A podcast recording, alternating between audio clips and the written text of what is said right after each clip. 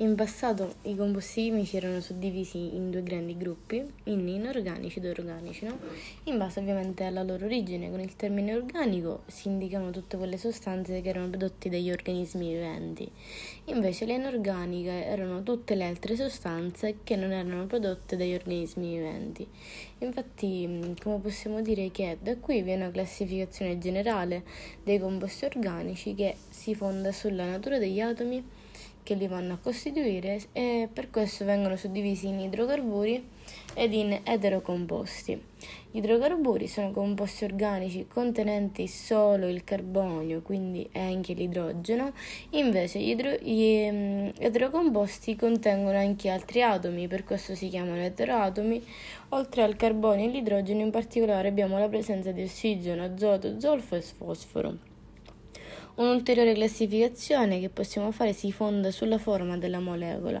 Per questo vengono suddivisi i composti, organi- eh, composti organici in eh, aciclici e ciclici. Si definiscono aciclici i composti organici a catena aperta di atomi di carbonio, sia lineare oppure ramificate. Invece si definiscono ciclici i composti organici a catena chiusa in, in uno o più anelli. Ehm, in ultima cla- classificazione possiamo dire suddivide i composti organici in alifatici e in aromatici, per questo si definiscono aromatici i composti organici ciclici che hanno almeno un, hanno un anello di tipo benzenico con più doppi legami che costituis- costituiscono una nuvola pi greco delocalizzata sull'intero anello. Invece i composti alifatici sono quei composti organici ciclici ed aciclici, quindi, che però non sono aromatici. Ehm, quindi in modo più analitico possiamo dire che per questo motivo vengono suddivisi classificati in famiglie o in classi in base anche al gruppo funzionale che li caratterizza. In chimica organica che cos'è un gruppo funzionale? È un atomo oppure un raggruppamento di atomi che per la loro natura e per il tipo di legame che li unisce conferisce ad una molecola delle mm, strutture, le sue strutture chimiche e le sue caratteristiche chimiche e fisiche eh, in modo indipendente dalla struttura complessiva molecolare. In altre parole possiamo dire che il gruppo funzionale è la porzione che è più reattiva di una molecola organica, ovvero per questo va a influire in modo, mm, in modo determinante sul meccanismo delle reazioni a cui essa è mm, diciamo, suscettibile. Infatti per, questi, per queste ragioni i composti organici vengono suddivisi nelle varie classi in base alla presenza di uno stesso gruppo funzionale. Ovviamente mh, mm, per queste ragioni comunque composti organici possiamo dire che vengono suddivisi nelle varie classi in base alla presenza di uno stesso gruppo funzionale. Infatti, gli alcoli, ad esempio, sono identificati per la presenza di uno o più gruppi funzionali, cioè per la presenza, volevo dire, di uno o più gruppi ossidrili, quindi gruppo H, le ammine per il gruppo amminico NH2. Eh, per questo i nomi dei composti di ciascuna famiglia sono caratterizzati da un suffisso oppure da una desinenza. Eh, questo suffisso o desinenza è associato al uh, gruppo funzionale che caratterizza appunto la famiglia. Eh, cosa possiamo dire? Per quanto riguarda la nomenclatura degli alcani, quindi degli idrocarburi alifatici, aciclici, saturi, mm, diciamo gli alcani sono saturi perché sono caratterizzati da un legame semplice eh, carbonio-carbonio e pertanto hanno una desinenza ano. I loro nomi sono ricavati unendo la radice più la desinenza saranno pertanto metano, etano, propano, butano, pentano, quindi met è quando hai solo un atomo di carbonio, et quando ne hai due, prop quando ne hai tre, but, quando ne hai quattro, pent quando ne hai cinque atomi di carbonio. Diciamo invece la desinenza è sempre ano. I residui invece che si vanno a formare togliendo un, un atomo di idrogeno conservano la stessa radice Mm, quindi met, um, et, prop, but, ma cambiano la desinenza da ano in ile e saranno pertanto metile, etile, propile, butile, pentile, eccetera. Ovviamente questi nomi dei residui, diciamo, si usano quando, um, ad esempio, si presentano delle catene ramificate. Quando vi è una catena ramificata, l'alcano prende il nome della catena lineare più lunga. E, um, questa. La catena principale invece deve essere numerata in modo da dare il numero più basso possibile, ovviamente alle catene laterali, e i residui vanno elencati in ordine alfabetico, quindi ad esempio il 4-etil 2-metileptano. Ci siamo? Poi invece per quanto riguarda la nomenclatura degli idrocarburi alifatici aciclici insaturi, quindi degli insaturi si parla di alcheni e di alchini, proprio perché ad esempio negli alcheni sono insaturi perché sono caratterizzati da uno o più doppi legami, quindi carbonio-carbonio, per questo eh, vanno a presentare la desinenza N. I loro nomi sono ricavati unendo la radice più la desinenza e saranno pertanto etene, propene, butene, pentene, eccetera.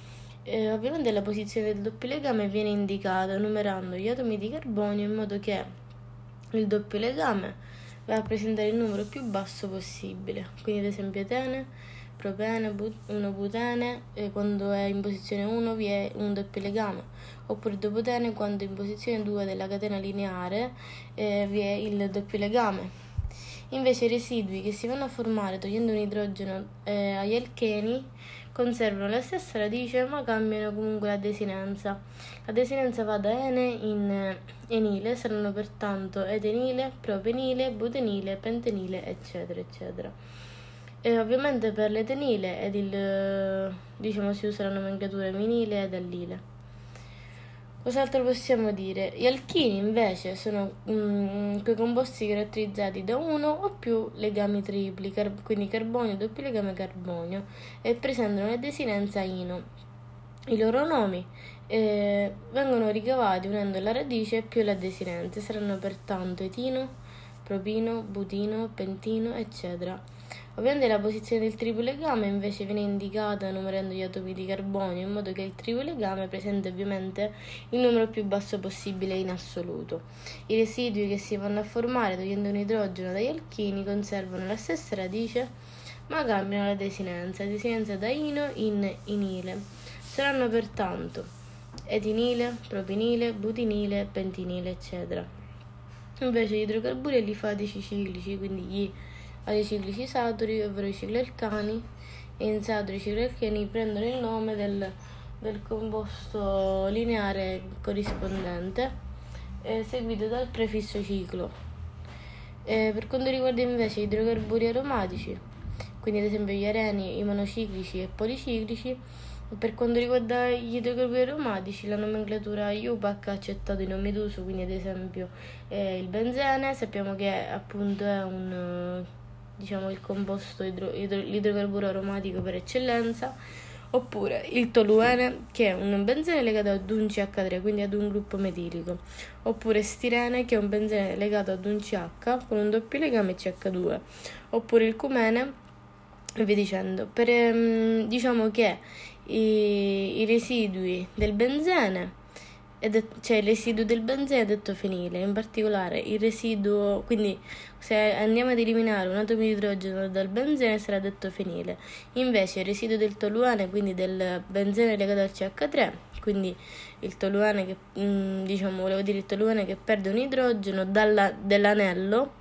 stiamo parlando, è detto tolile, invece se ehm, viene perso un idrogeno dal, del metile, quindi questo residuo del toluene sarà detto benzile. Ovviamente vi sono dei derivati di sostituiti, cioè questi derivati che si vanno a sostituire nella, mm, nel benzene, possiamo dire che mh, mm, sono di sostituiti, infatti prendono i prefissi orto, meta e para. Il prefisso orto viene indicato con O trattino e indica appunto che è un, un derivato che si va a sostituire nell'anello benzenico in posizione 1 e in posizione 2.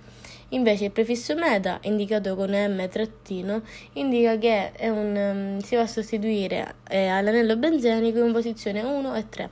Invece il prefisso para indica un anello benzenico che si va a sostituire in posizione 1 e 4. Cos'altro possiamo dire? Questo ovviamente mh, mm, l'anello benzenico può anche essere trattato come un sostituente, come ad esempio nel naftalene, cioè nella naftalene, nell'antracene e, ehm, e quindi in questi, in questi sistemi policiclici condensati, quindi condensati perché sono dati da mm, più eh, più benzeni legati fra di loro, ehm, quando sono legati fra di loro formano, mm, prendono la desinenza cene. Quindi ad esempio eh, naftale, no, allora acene Quindi tetracene quando hanno quattro atomi di anelli benzenici legati fra di loro, oppure pentacene quando ne hanno cinque, ad esempio. Quindi questo è il, ciò che riguarda la nomenclatura.